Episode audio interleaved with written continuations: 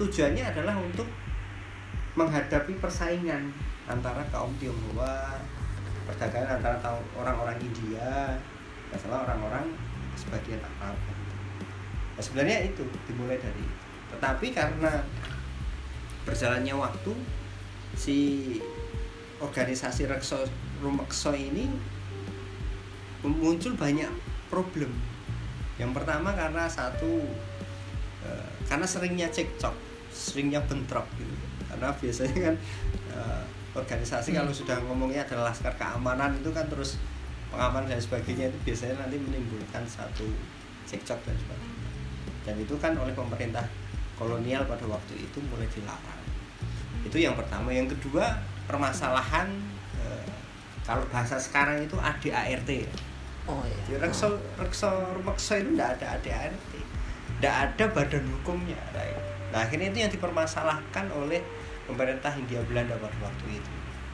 Kemudian sosok eh, uh, Samanhudi kemudian mengganti nama itu menjadi Serikat Dagang Islam hmm.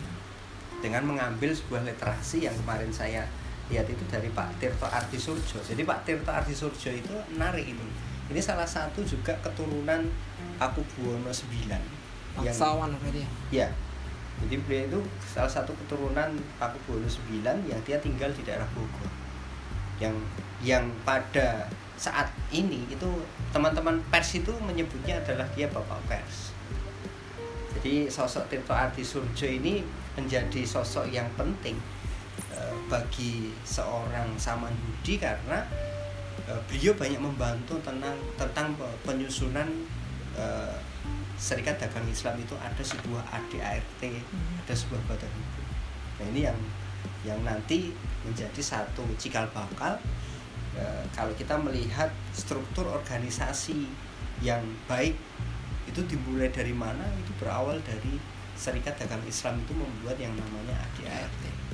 Hmm, saya eh, kemarin eh, saya sempat lihat di museum juga kan itu ya ada fotonya Pak Tirto Tirto, Sujo itu eh, kata yang jaga di sana itu terkenalnya dengan Mingke Ya. Benar. Jadi buat teman-teman yang eh, sudah nonton film Bumi Manusia yang jadi Iqbal itu kan Mingke jadi itu dia memerankan tokoh Tirto Adi Surjo lah. Iya. Iya. Itu memang dia jadi satu satu. Jadi secara secara kalau difilmkan itu memang beliau itu eh, secara ketokohan bukan pelaku utama gitu. Tetapi dia memiliki eh, karakter kuat membentuk satu serikat dagang Islam ini. Ini yang yang menarik untuk kita ketahui. Karena hadirnya Tirto Ardi Surjo ini gitu. Karena dia punya murid yang cerdas orang Surabaya yang ini menjadi menjadi cikal bakal lahirnya sebuah negara Indonesia itu itu adanya Hoso Praminoto jadi Hoso Praminoto ini adalah muridnya Tirto Ardi Surjo. Hmm. yang dia belajar tentang literasi sebuah pemberitaan itu dari Tirto Ardi Surjo nah ini yang yang menjadi sosok gitu. Kalau kita mengenal Soekarno itu adalah adalah eh, pendiri bangsa gitu loh padahal Soekarno itu gurunya adalah Sopra Aminoto nah ini menjadi satu hal yang perlu kita kita singkap sebenarnya ternyata eh, pejuang-pejuang eh, Islam itu memiliki hasanah berpikir yang luar biasa dan mereka punya satu istilahnya satu penguasaan itu untuk bagaimana membangkitkan keumatan ini supaya bisa menjadi. Itu kalau kita eh, mengulik sebuah kisah panjangnya eh, sosok Samanhudi. Tapi sebenarnya kalau kita kembali lagi gitu kembali lagi eh, apa sih sebenarnya yang menjadi eh, perjuangan sosok eh, Samanhudi di kala dia itu membangun Serikat Dagang Islam gitu. Sebenarnya ada beberapa hal yang menjadi menjadi satu satu konsen dari eh, sosok Samanhudi. Yang pertama itu sebenarnya adalah adanya eh, tolong penolong pertama kali. Jadi Samanhudi ini punya visi besar. Bagaimana dia melihat karena memang ketimpangan tadi, ketimpangan rasial tadi kemudian adanya unsur bagaimana orang-orang pribumi itu bisa saling tolong menolong tolong menolong kemudian bagaimana membangun kekuatan ekonomi umat dan kalau kita melihat bicara tentang konsep ekonomi syariah itu sebenarnya dimulai dari Serikat Dagang Islamnya uh, sama Dudi jadi dimulai dari situ sebenarnya. Kalau kita berbicara tentang tentang uh, ekonomi syariah gitu. Karena dimulai dari ekonomi itu adalah bagaimana memunculkan satu pembangunan ekonomi um-, umat, pemberdayaan ekonomi umat dan adanya tolong menolong. Jadi di situ kan sudah bahasa syariah ekonomi syariah itu sudah sudah muncul pada waktu itu. Nah, ini yang menjadi satu hal yang saya pikir di zaman itu di fase Indonesia belum punya satu kemerdekaan gitu di tahun 1800-an gitu itu sudah ada orang yang memiliki pikiran seperti itu sebenarnya kalau kita melihat filosofi batik pun sebenarnya itu juga sudah menjadi khasanah yang luar biasa. Kalau kita melihat uh, batik itu dari nilai seni yang yang tinggi ternyata Solo itu sudah punya strata berpikir yang luar biasa, luar biasa. Nah, ini tentunya jadi catatan menarik bagi nanti teman-teman e, kaula muda untuk belajar tentang sejarah bagaimana kita melihat sosok-sosok Pak. Yang yang menjadi menarik menurut saya. Salah satu tujuannya adalah meningkatkan e, satu martabat. Martabat eh, orang-orang bumi putra karena pada waktu itu karena ada rasial rasialisme kalau bahasa saya rasialisme. Sehingga orang Indonesia khususnya pedagang-pedagang batik pada waktu itu itu punya nilai tawar sebenarnya. Karena mereka ya akhirnya kan kalau kita bicara karena rasial tadi kan kita bicara tentang transportasi aja pasti dibatasi.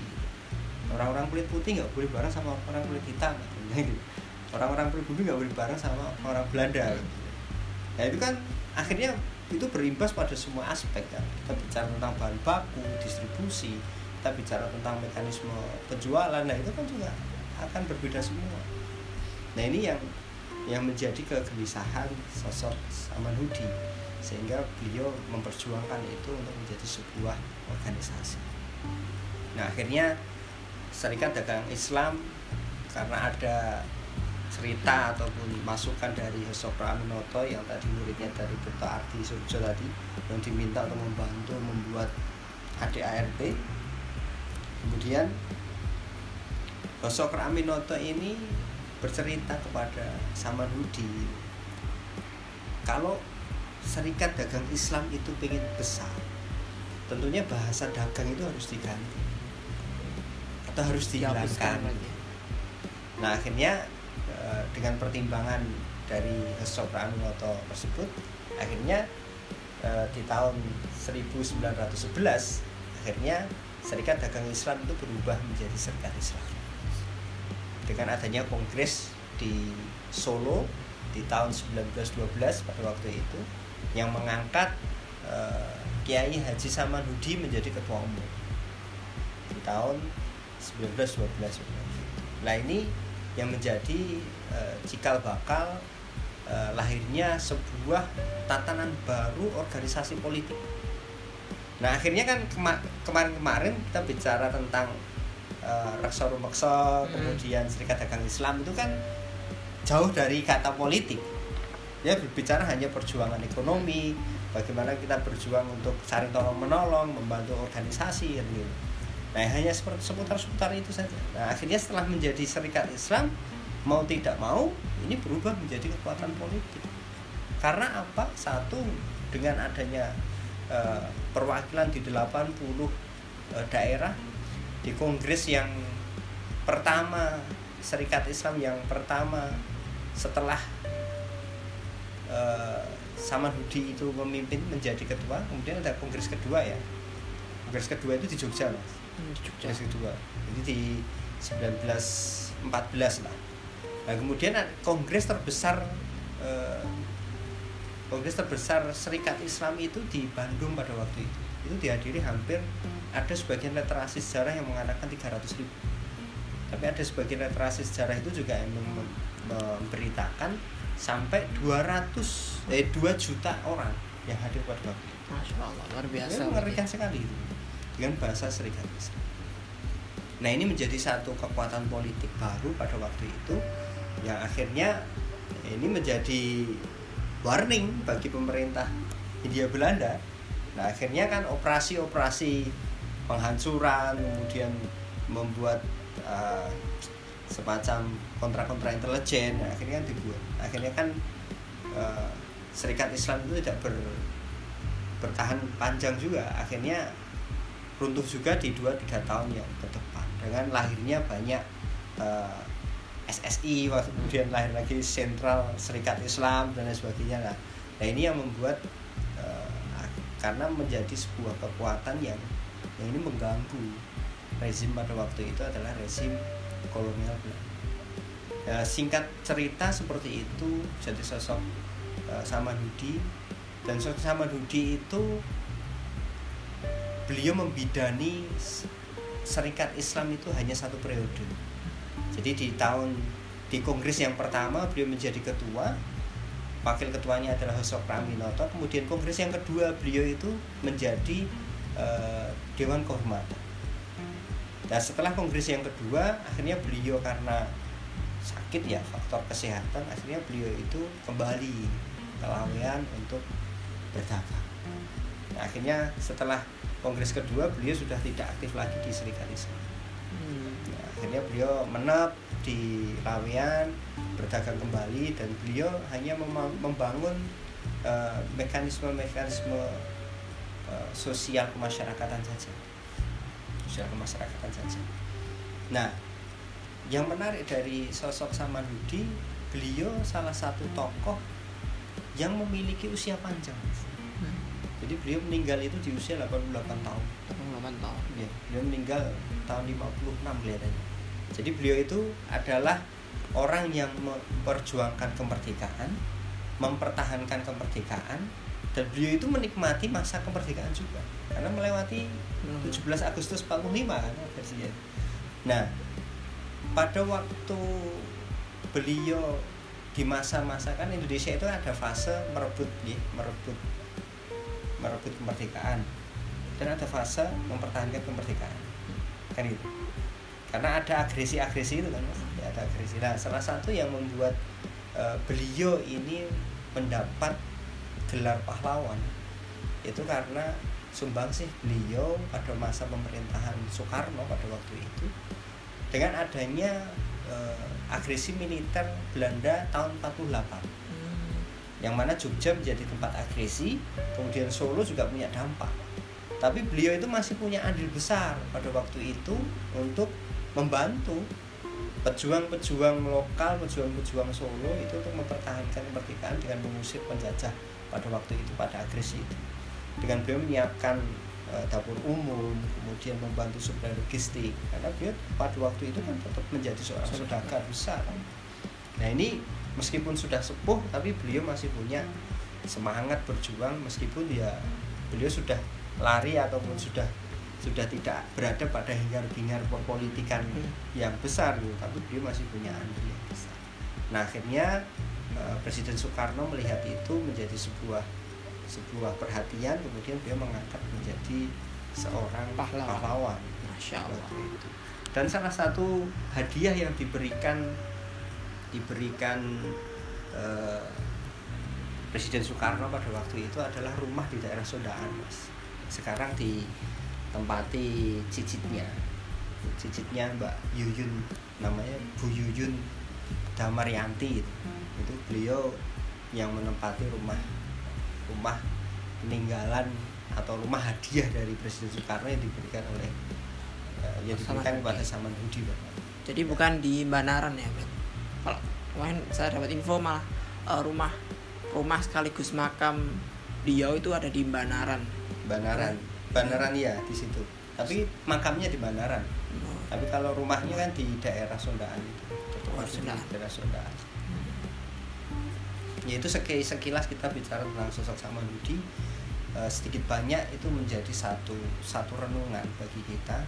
Eh, ternyata eh, tokoh tokoh lokal tapi memiliki visi yang besar itu juga akhirnya memiliki dampak hiperbol yang besar juga terhadap uh, perjuangan dalam skalasi nasional dengan jerih payah beliau membangun organisasi-organisasi akhirnya lahir juga organisasi besar waktu itu lahir juga tokoh-tokoh besar waktu itu yang secara tidak langsung ini berawal cikal bakalnya dari Solo cikal bakalnya dari Lawean cikal bakalnya dari seorang santri yang dia berpikir tentang bagaimana membebaskan Indonesia ini dari uh, rongrongan penjajah.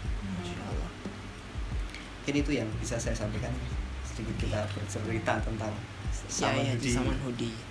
Nah, jadi buat uh, itu ya teman-teman semuanya tentang kisah tentang Kiai Haji Saman Hudi mungkin emang uh, mungkin narasi yang kita dapatkan mungkin emang sedikit ya atau literasi yang ada tentang Kiai Haji Saman Hudi memang sedikit di kalangan umum uh, soalnya kemarin saya juga sempat uh, berbicara dengan uh, tuh apa ya istilahnya tour guide lah di di museum Kiai Haji Saman Hudi yang ada di Kelurahan Sondaan. Itu dia juga menyampaikan dia juga menyampaikan kalau uh, kisah tentang Saman Hudi ini nggak ada buku yang secara detail menceritakan beliau. Cuman hanya melalui omongan-omongan orang uh, tour guide-nya jadi paham oh ada tokoh yang luar biasa yang ada di kota Solo ini ya ini beliau Kiai Haji Samanhudi Oke buat teman-teman uh, mungkin itu sekilas tentang Kiai Haji Samanhudi ya. Sekarang saya ingin mengkorelasikan uh, beliau Kiai Haji Samanhudi dengan istilahnya apa ya, kepahlawanan Rasulullah. Ya.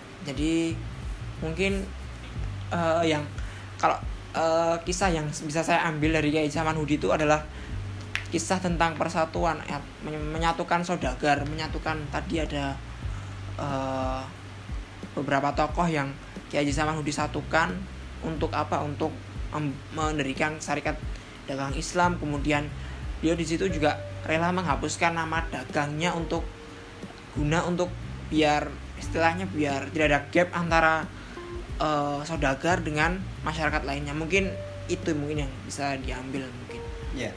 Jadi sebenarnya kalau kita bicara bagaimana mengkorelasikan perjuangan sosok uh, keagamisan seorang uh, Kiai Samanhudi gitu itu sebenarnya ada satu lagi yang menjadi empat sebenarnya beliau itu punya empat empat pilar gitu kalau bahasa saya itu empat pilar tujuan utama beliau itu memunculkan Serikat Dagang Islam. Yang tadi belum sempat saya munculkan adalah memajukan pendidikan dan agama Islam. Ya, ini salah satunya. Jadi tadi kita berbicara tentang tolong menolong itu salah satunya juga berbicara tentang ekonomi keumatan, kemudian berbicara tentang uh, ke apa itu meningkatkan martabat, kemudian menjadi perkumpulan te, uh, dengan pengusaha-pengusaha batik pada waktu itu. Nah, salah satu yang menarik menurut saya adalah memajukan pendidikan dan agama Islam. Hmm. Ya ini menjadi uh, fokus juga yang menjadi pilar utama juga yang diperjuangkan dari sosok Kiai uh, Samanudi dengan adanya Serikat Dagang Islam. Sebenarnya kalau kita berbicara memang tidak banyak literasi yang bisa saya sambungkan. Saat kita berbicara ketokohan beliau tentang uh, sosok baginda Rasulullah SAW gitu. Tapi melihat uh, semangat beliau untuk memajukan pendidikan khususnya agama Islam ini saya saya lihat ini menjadi satu satu barometer yang bisa kita ukur juga gitu beliau ini punya semangat keislaman yang tinggi. Saya saya sempat membaca juga. Jadi beliau itu juga punya guru yang sangat beliau anu ya beliau takzimi gitu yaitu salah satu pahlawan juga yang beliau pada waktu itu nyantri di daerah Sarajaya di daerah Cirebon. Itu itu ada namanya uh, Zainal Mustafa. Kiai Kiai Haji Zainal Mustafa. Ini beliau sering gitu loh bercerita ke ke sana kemudian ke teman kerabatnya tentang kepopuleran tentang uh, kesolehan se seorang Zainal Mustafa. Sebenarnya kalau melihat track meskipun tadi kita sebutkan beliau di usia 13 tahun harus pulang ya membantu orang tua untuk bekerja tapi melihat semangat beliau untuk belajar agama ini sebenarnya tidak hanya beliau itu belajar di Surabaya saja pada waktu itu tetapi di beberapa pondok pesantren di daerah Tegal beliau juga pernah hadir di situ. Pernah ada juga literasi yang mengatakan beliau belajar di Sarajaya di daerah Cirebon Arsuruti kemudian di daerah uh, Ciamis juga gitu. Nah itu saya lihat itu menjadi satu satu hal yang membuat kita harus meyakini juga bahwasanya beliau itu punya semangat beragama yang luar biasa karena memang saya meyakini di saat ada sebuah ide besar kemudian visi besar pasti beliau punya satu satu ketokohan yang mereka beliau idolakan besar juga. Lalu merujuk dengan adanya beliau itu uh, memfakihkan seorang Zainal Mustafa yang dia gurunya uh, kesolehannya itu juga nyambung kelihatannya gitu.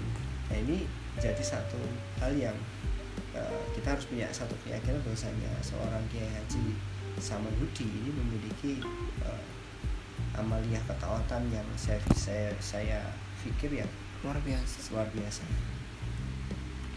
Saya kira itu mas. Kalau kita lihat ya uh, tadi yang sudah disampaikan Ustaz Tommy kan tadi bicara tentang adanya empat pilar yang dimiliki Kiai Haji Samanhudi gitu kan. Saya jadi teringat empat pilar atau empat landasan dasar yang diajarkan Rasulullah kepada para sahabat yang pertama adalah istifaun mala yasihun islam illa bi. Jadi itu kan uh, ajaran tentang dasar atau akidah. Kemudian yang kedua kaidah yang kedua adalah al i'tisamu kitabillah wa sunnah.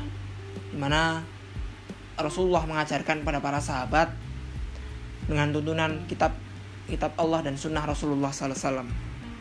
Dan yang ketiga Rasul mengajarkan kepada para sahabat itu ada nabdut ta'asub wal muakhah.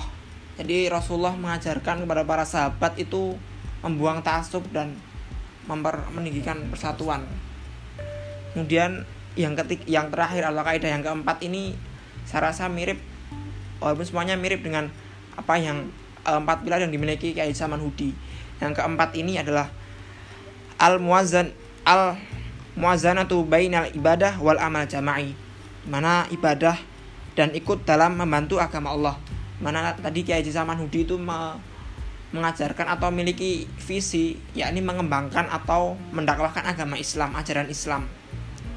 Di situ kita dapat jumpai bahwasanya kaitan antara Rasulullah dengan Kiai Haji Zaman Hudi maupun pahlawan-pahlawan lainnya itu sangat erat. E, mungkin e, saya dari situ kita bisa mengambil kesimpulan bahwasanya Rasulullah Shallallahu Alaihi Wasallam di Mekah bukan hanya di Madinah. Di Madinah bukan hanya mengajarkan tentang bab sholat, bab puasa atau zakat atau ibadah haji saja. Melainkan uh, Rasulullah mengajarkan kita untuk menjadi seorang muslih. Ya. begitu Ustaz. Betul. Sepakat saya.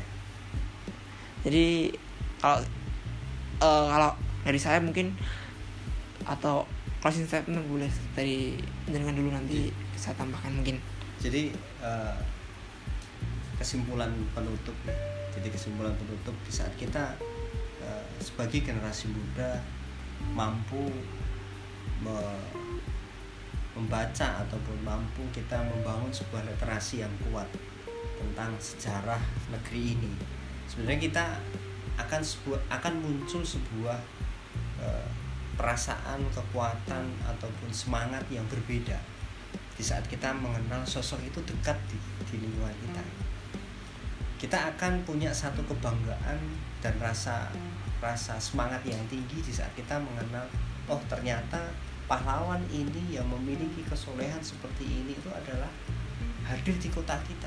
Masya Allah.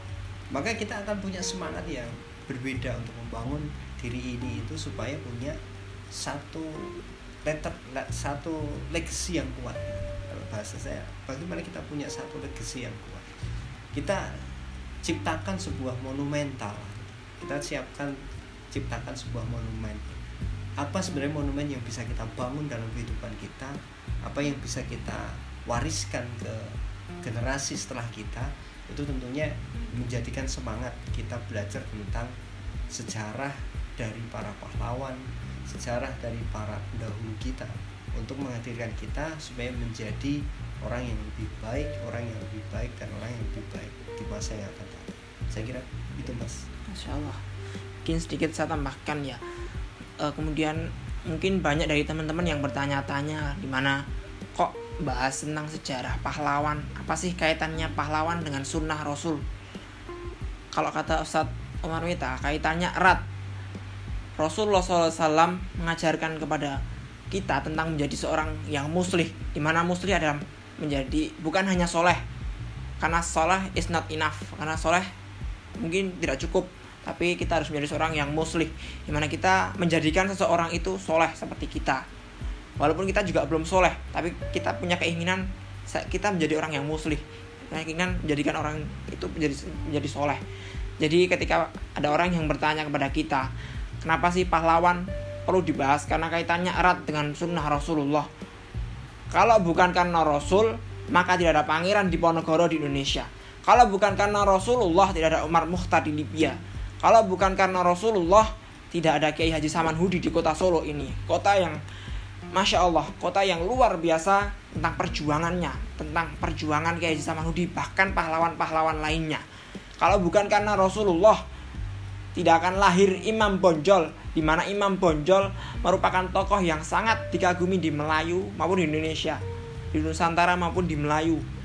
Kemudian kalau bukan karena Rasulullah, tidak ada sumpah pahlawan di muka bumi ini di mana kita di sini mereview tentang hari pahlawan atau kita mereview tentang kepahlawanan itu penting gak sih buat kita bahas di Islam terutamanya mungkin mungkin itu ya jawaban dari saya mungkin yang saya kutip dari perkataan beliau Gunda Ustadz Umar Mita di mana kaitannya sangat erat teman-teman semuanya makanya kita dari teman-teman Fat kita belajar sejarah tentang pahlawan uh, pahlawan Islam baik itu uh, yang ada di kota Solo maupun yang ada di meluasnya di Nusantara ini.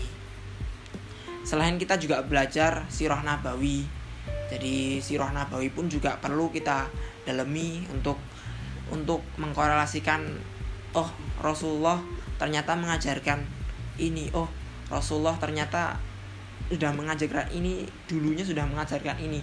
Oh lalu ternyata tokoh tokoh-tokoh Nusantara itu meniru Rasulullah SAW itu teman-teman semuanya. Uh, mungkin uh, dirasa cukup ya untuk uh, live Instagram yeah, kita kali yeah. ini mungkin kita bisa sambung di lain kesempatan dengan bahasan yang lain atau mungkin pahlawan-pahlawan yang lain. Karena pahlawan di Indonesia ini tidak tidak hanya satu bahkan di Solo juga tidak tidak hanya satu. Ada Selamat Yadi mungkin atau banyak yang lain. siapa gitu kan. Masya Allah. Mungkin maaf kalau misal saya tadi akan gas karena itu sangat penting untuk disampaikan ke teman-teman semuanya mungkin sekian mendengar live Instagram Astro Hijrah atau FAT. Kemudian insya Allah nanti kita akan upload audionya di podcast uh, kita di aku sedulurmu podcast. Jadi di Spotify teman-teman bisa uh, yang belum punya Spotify bisa download Spotify-nya kemudian search aku sedulurmu Insya Allah situ ada uh, berbagai rekaman kiamulail kita juga di situ. Kemudian ada pengenalan kita Fat itu apa? Teman-teman yang belum tahu mungkin bisa dengerin dari situ. Dan juga insya Allah nanti bahasan tentang Kiai Haji Saman Hudi insya Allah akan kita upload di podcast aku sedulur terima kasih syukron jazakallah khair kepada Ustaz Tommy yang sudah banyak memberikan wawasan kepada kita semuanya tentang Kiai Haji Saman Hudi, tokoh pahlawan atau tokoh saudagar yang luar biasa yang dari Solo bahkan uh, mengajarkan tentang Islam seharusnya kita bangga memiliki tokoh yang luar biasa seperti Kiai Haji Samanudi Mungkin saya rasa cukup. Assalamualaikum warahmatullahi wabarakatuh teman-teman semua.